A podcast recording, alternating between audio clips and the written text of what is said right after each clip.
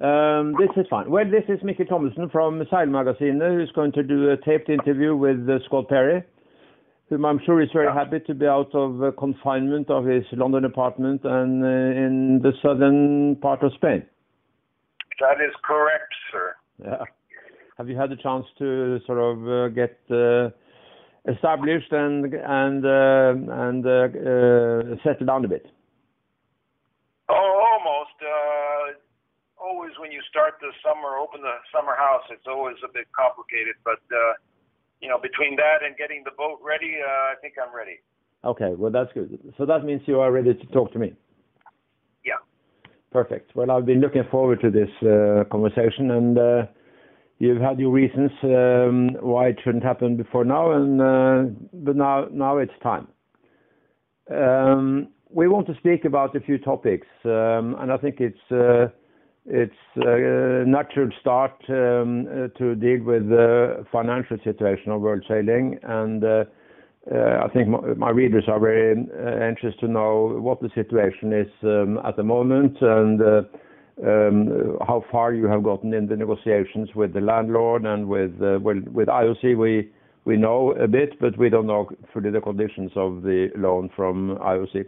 But tell me about the current state of finances in World Sailing. Yeah. I will repeat exactly what uh, what was uh, discussed at the council meeting. And uh, we have another meeting tomorrow with the MNAs and A's and classes and and some other stakeholders. Uh, but essentially, until the the meeting we had of the council in Bermuda, the situation Uh, was complicated. We were challenged financially.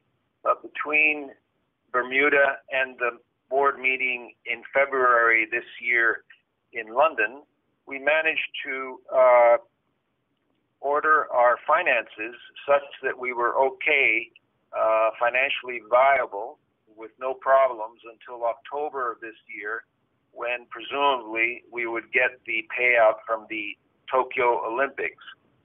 As we all sadly know, the Tokyo Olympics were canceled very shortly after our board meeting in London, and uh, that caused us to rethink our whole situation, uh, because now we had to finance another whole year until October 2021, when uh, presumably we will get a payout from the now one year late Tokyo Olympics.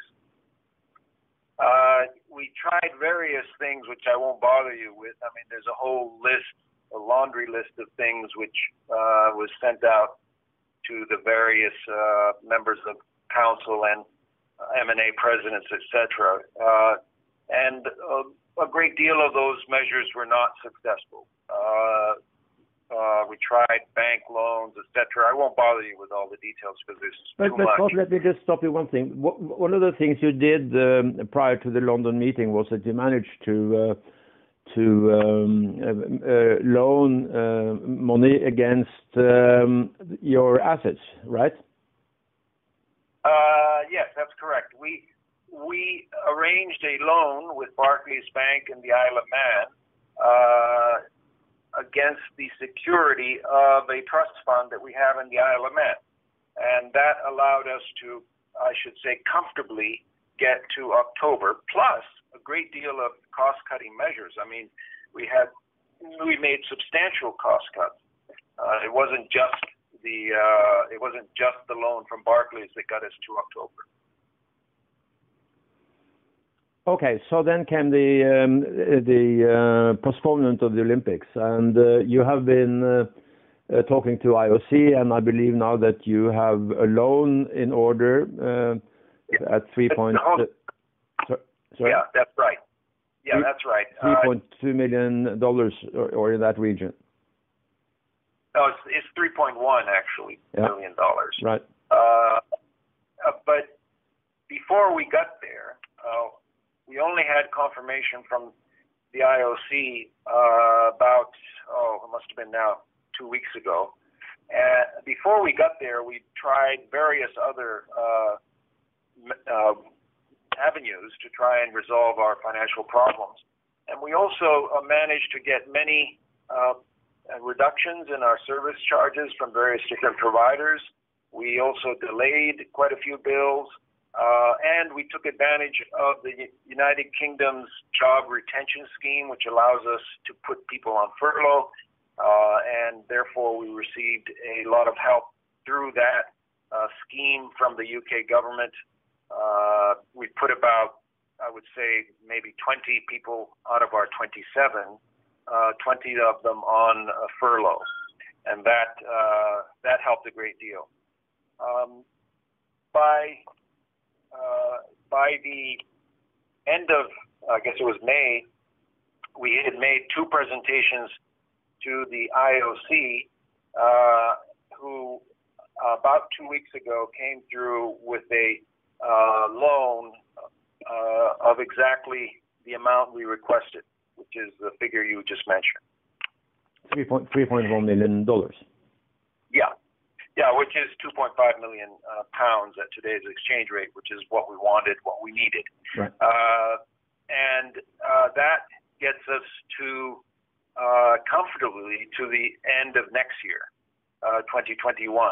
Uh, uh, so now, now we're in the shape where uh, everything is is is in reasonable financial shape. It's been a heck of a lot of work, um, and I, I I think I mentioned we had to approach uh, we approached the UK government, the UK sports, NatWest Bank, Barclays Bank, uh, et cetera, et cetera, and other possible uh, funders. Uh, we were turned down on a lot of these, uh, virtually all of them, the ones I just mentioned, but we did get some support through the UK job retention scheme. But that's only going to last for so long. When is when is that going to be finished, and and you have to be back to normal? Uh, the job retention, taking into account the fact that the job retention scheme as it is today, ends at the end of August, uh, this this coming of August, uh, and it and it winds down until October thereafter. Uh, sorry, I, I take that back. It, it, I believe it it goes to the end of July next month, and then it winds down as of the first of August. Taking all that into account, we have the financial resources to survive, uh, as I said, until the end of next year. And Would that be on the basis of the full um, uh, employment uh, scale? Will you have to uh, reduce number of employees, or can you run with 30 or so um, employees during that period? No, our intention has always been to retain as many employees as we possibly can. The big cloud we have on the horizon um, and it's no secret to anybody, is the possibility of the Olympics getting canceled. Uh, if that happens, uh, and we're not counting on that at all, we, uh, we firmly believe that, that they will go ahead, but there's always the possibility of a cancellation, then we will have a problem. But we hmm. don't have that problem today. And, and you don't see a solution to that yet? You haven't uh, discussed that plan B? Uh, the plan B is something which uh, is just now being uh, resolved. You have to understand, Mikkel, that we have been working nonstop since the middle of March, uh, countless hours, uh, trying to resolve the problems, the immediate problems. Uh, what we're talking about now, this Plan B, is a possible problem, which we don't think is going to happen. But if it does happen, yes, we will start talking now about what we have to do if it happens. But uh, far more important was resolving our immediate problems. Right. And if if worse should come to worse, then there will be no Olympic Games in 2021. It's going to affect a lot of uh, federations. So it's not only going to be uh, world sailing. It's going to affect every federation, um, perhaps not FIFA, but certainly every other one. Mm. Um, do you have more to say about this situation, this financial situation as it stands, or should we go to the next? No, no, that, you know, that, that, that's where we are. Uh, uh, we mean, it, it hasn't been easy. Uh, we have uh, uh, we put in a great deal of work, and I, I really have to mention that this has been a board effort. I mean, uh, and I also would be uh, I would be wrong if I didn't mention that uh, our accountant Raksha Patel has done a fantastic job uh, because every presentation we made required uh, cash flows and, and uh, assumptions and projections, etc. Um, and uh, she was she was a, a rock of Gibraltar in that sense. Mm. That's good to hear. Um, in in your income scheme, um, how much uh, part of this comes from sponsors? Uh, today, in, in, the overall scheme of things, it's only about. Uh, hold on, wait a second. It's about fifteen percent. Right. And these are sponsor contracts that you have signed and, and are running? Yes, absolutely. That's like Hempel and uh, Rolex and a few others. Yeah, exactly. Right. Um, of course, we have been talking a lot, and many people have been talking about how this could happen in the first place. That uh, world sailing would put itself in, in such a position even before the uh, Olympics were were uh, postponed and the COVID uh, situation. And um, and we don't really, I'm not going to go into that so much, but but of course mm, uh, there was one major um, situation that came um, from the cancellation of the Gazprom uh, contract. Tell me more about that. Yeah. How could that happen? Uh, my understanding is that uh, the Gazprom contract was signed with the president of Gazprom, Gazprom International in 2000 and uh, I believe it was 2016. No, no, it was it would have been 2018. And uh, sorry, no, I got that wrong. 50, yeah, I got that wrong. I'm, I'm sorry. It would have been 2014 yeah, that, that's when it would have been. And uh, after after some time, uh, the president with whom we signed the contract left, and as I understand it, the new president uh, didn't like the contract and, in fact, canceled it uh, according to its to its uh, according to the terms. I mean, the, and it's it's important to stress that it was canceled according to the contract.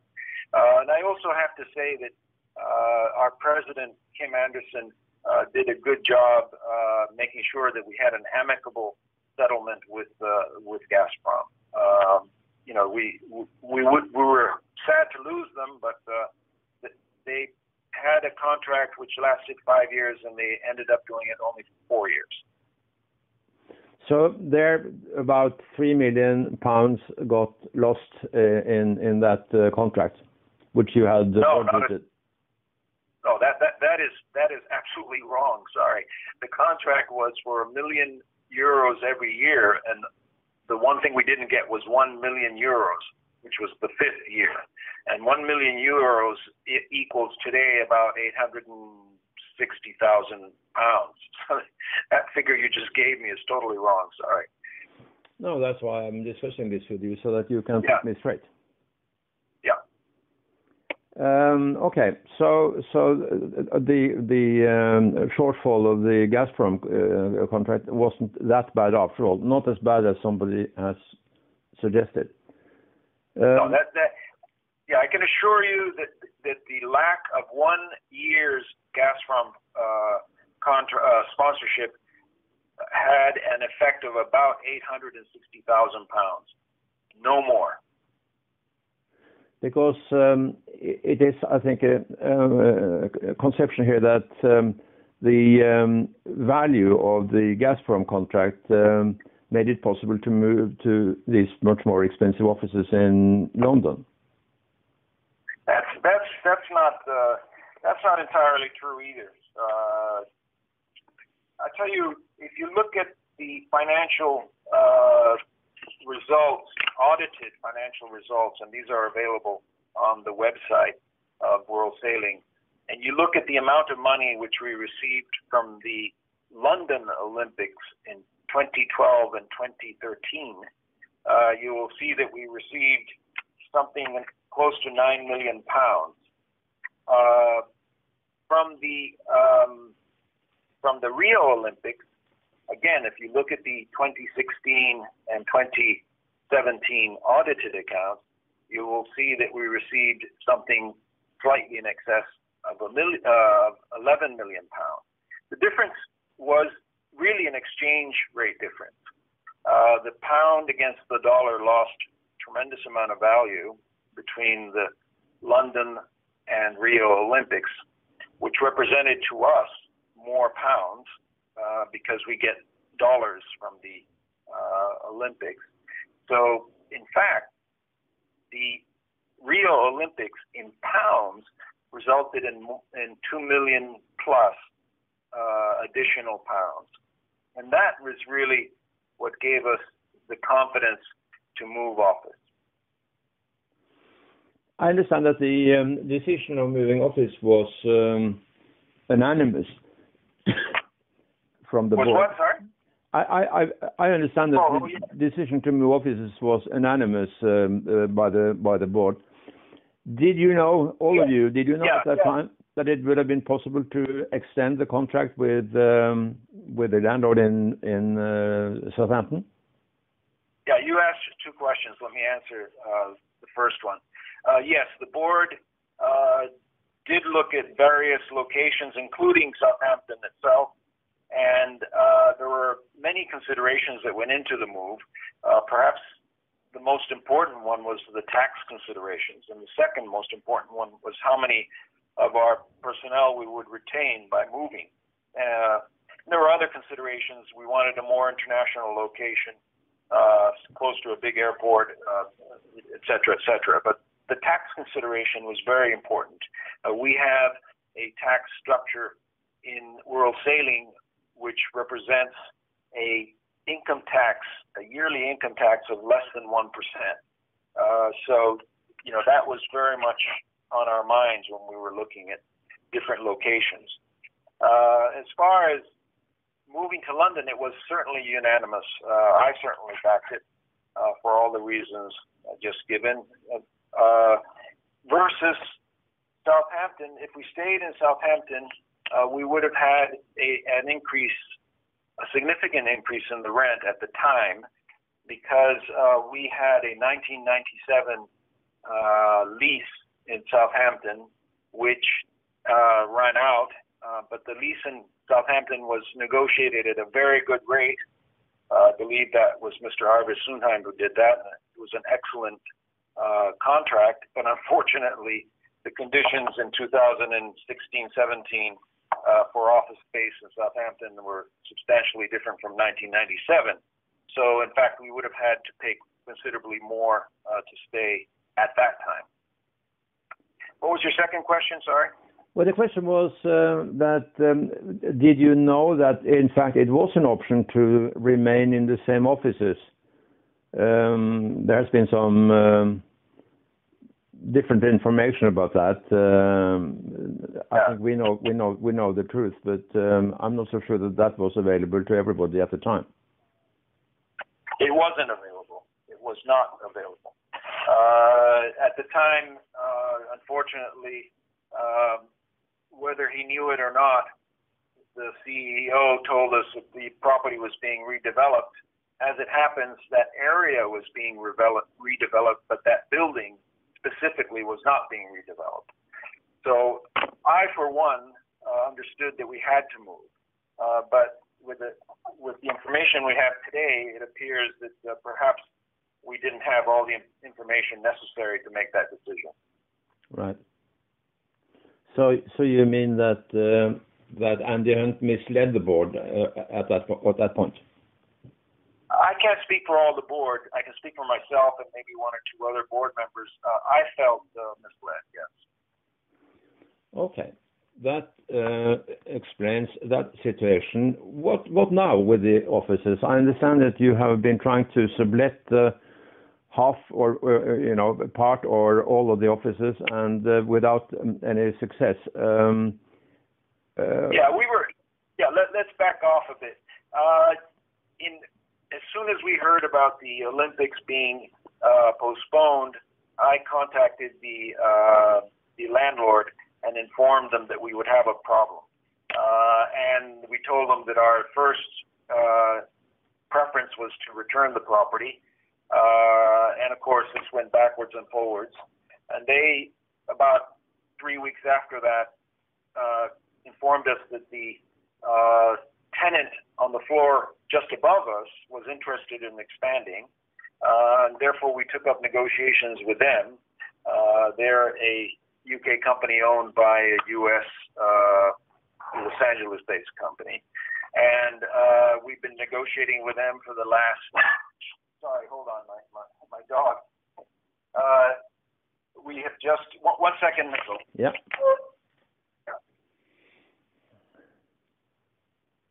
What's that?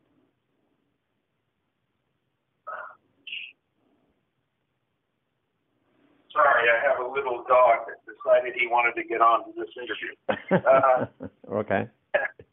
yeah, he may, he may try again because he's looking at me rather strangely. But anyway, uh, and we were informed uh, not last Tuesday, the Tuesday before, uh, that they uh, decided they're not interested. Unfortunately, uh, we did uh, negotiate with them for about two months, which wasted time.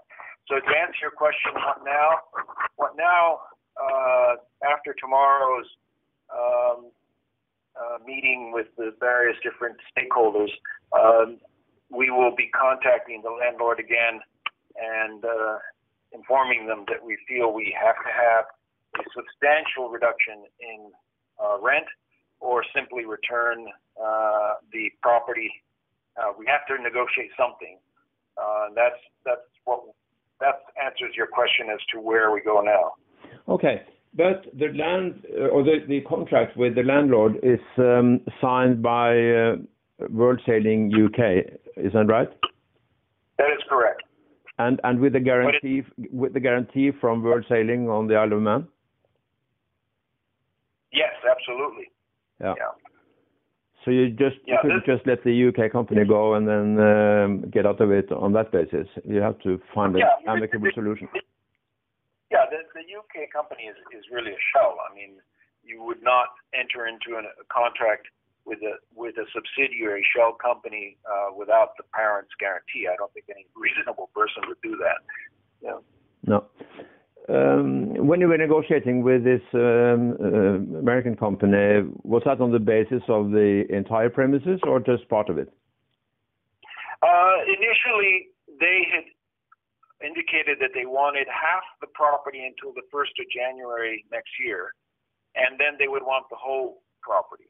And reason for that, uh, Mikkel, just so you know, is that they are a rapidly expanding uh, internet type company, and because of social distancing within the office, they had they needed more space.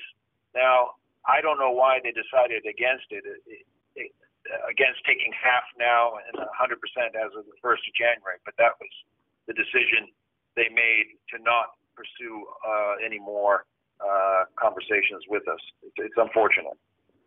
I should also mention that the that the uh, the landlord has offered us a small concession, uh, but it's not sufficient. Well, I think it's um, it's a concession with a sour grape to it because uh, it is really only a postponement of rent. It is it is not a it is not a decrease or any relief, is it? Yeah, that, that, that's it. That's what I said. It, it, it's a small concession. It helps as a short-term cash flow because uh, we don't pay any rent until uh, until the end of September, but then they want to recover all the unpaid rent in nine uh, installments. So it, it's just it, it doesn't really help. I mean, it, it helps from a cash flow standpoint now, but but we really need uh, something considerably uh, a much bigger concession or simply returning the property. Um, As it is now, um, there are, what, 10 years left of the contract? Seven seven years and a bit. Seven. Okay, so it was an it was a 10-year lease originally, but now it's uh, a bit more than seven years. Yeah. Yeah, it, was. I think at first July, if I'm not mistaken, uh, and uh, so so so it would be almost exactly seven years left. Right. Okay. Uh, well, I, I wish you luck. I think it's uh, it's very important that you make some progress in this area, but to get out of the contract um, entirely without a solid compensation is perhaps uh, too much to expect. Well, uh, you know, uh, I don't give up hope in these situations, and I think that we are obviously in in a unique historic crisis right now, uh, and a lot of uh, people are, uh, companies and organizations are in a situation similar to ours.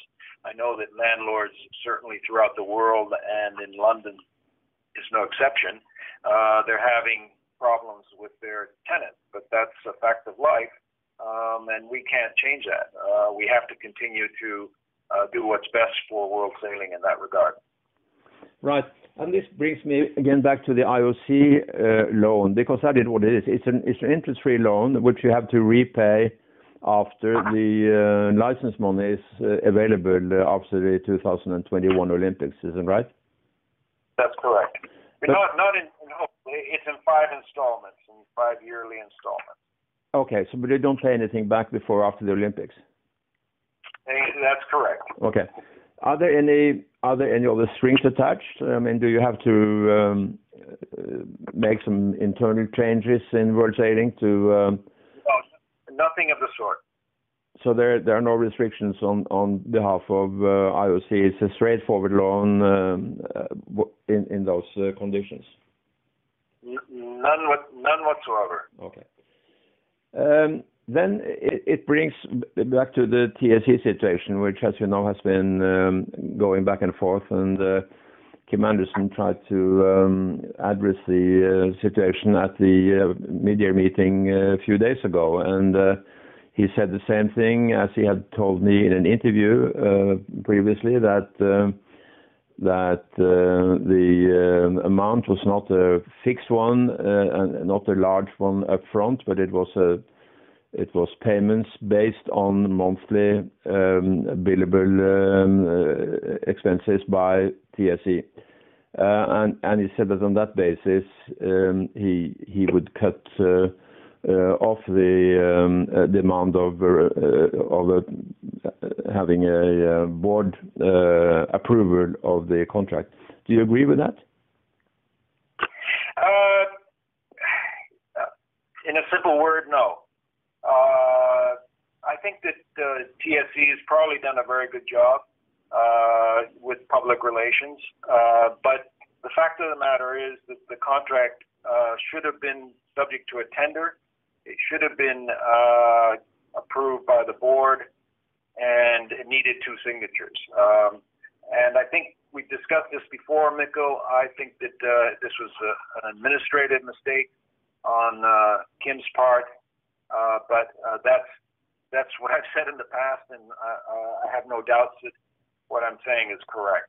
But let me add a little bit to that, okay? Because I think that we're concentrating too much on the past, and I think that it's important to mention a few things. Uh, first of all, I think that uh, I think TSE did a, a good job, uh, and I know that they helped in certain negotiations uh, particularly with uh, with Gazprom. Uh, so we have a lot to be grateful for that.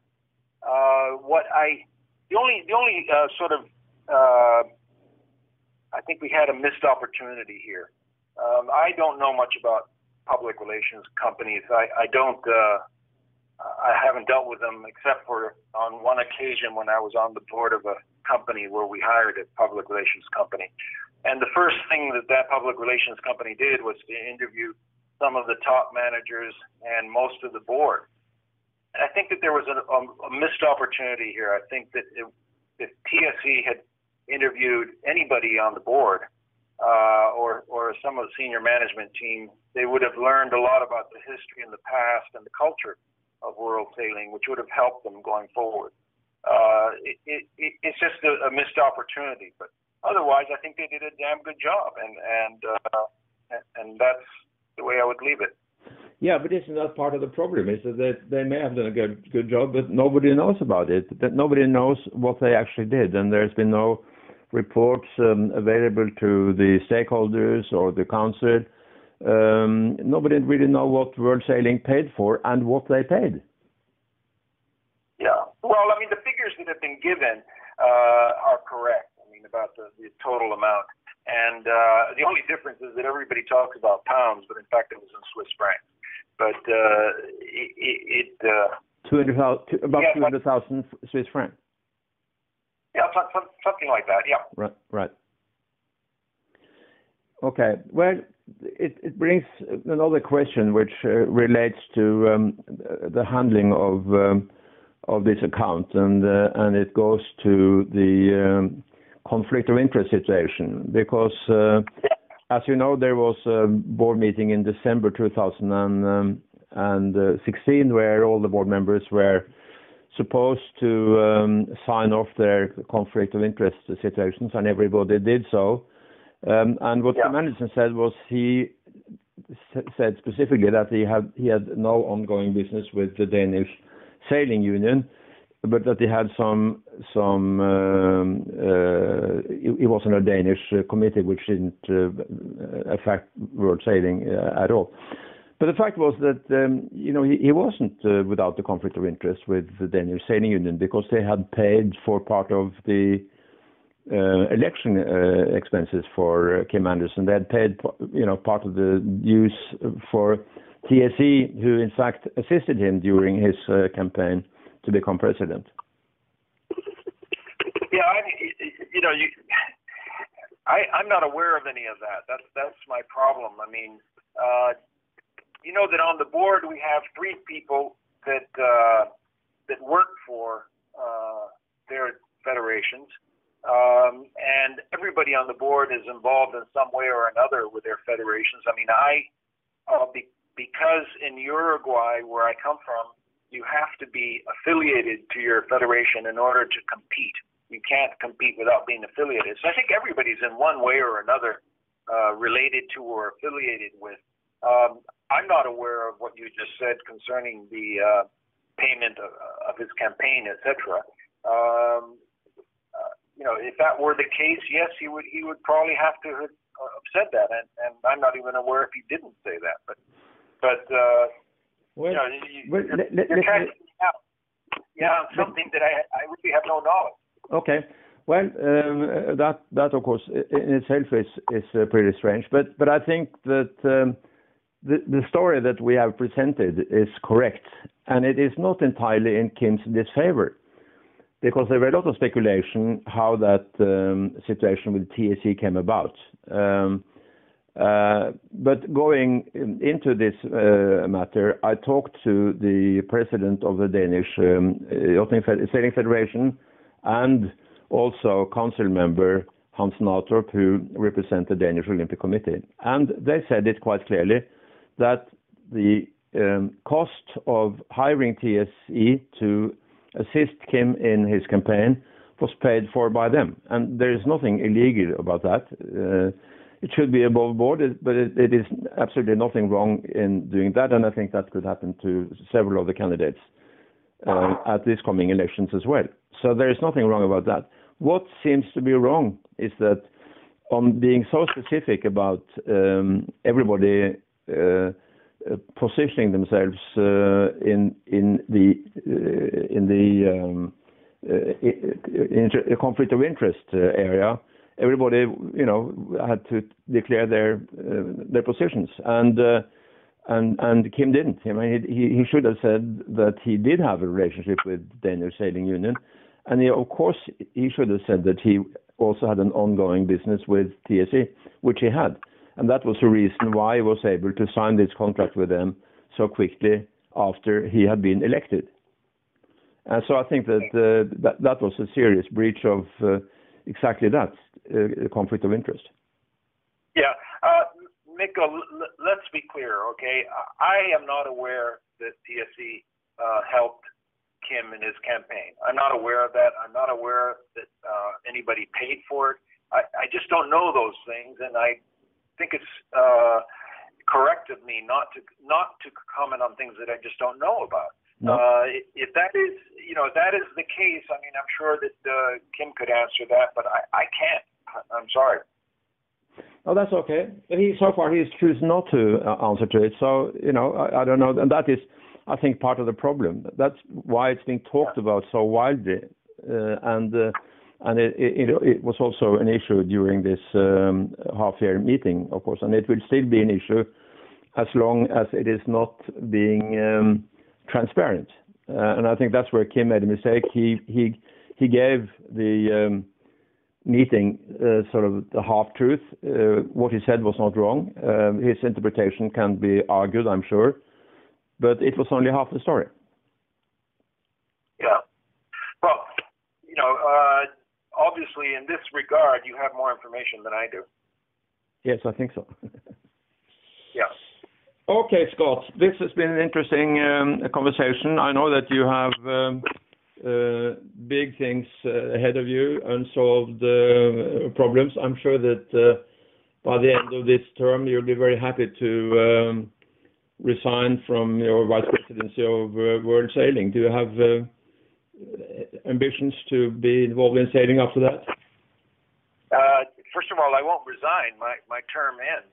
right. Right. Uh, I, I, haven't considered resigning yet, uh, but no.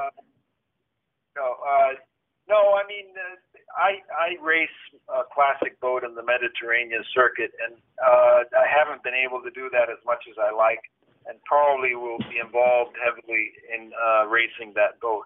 and I've always said to anybody that I'm certainly available if if you know, World Sailing wants, you know, a helping hand, or, or they feel they need me for whatever, I'll, I'll I'll give advice where it is, but uh, but I'm not. I don't have any ambitions going beyond that.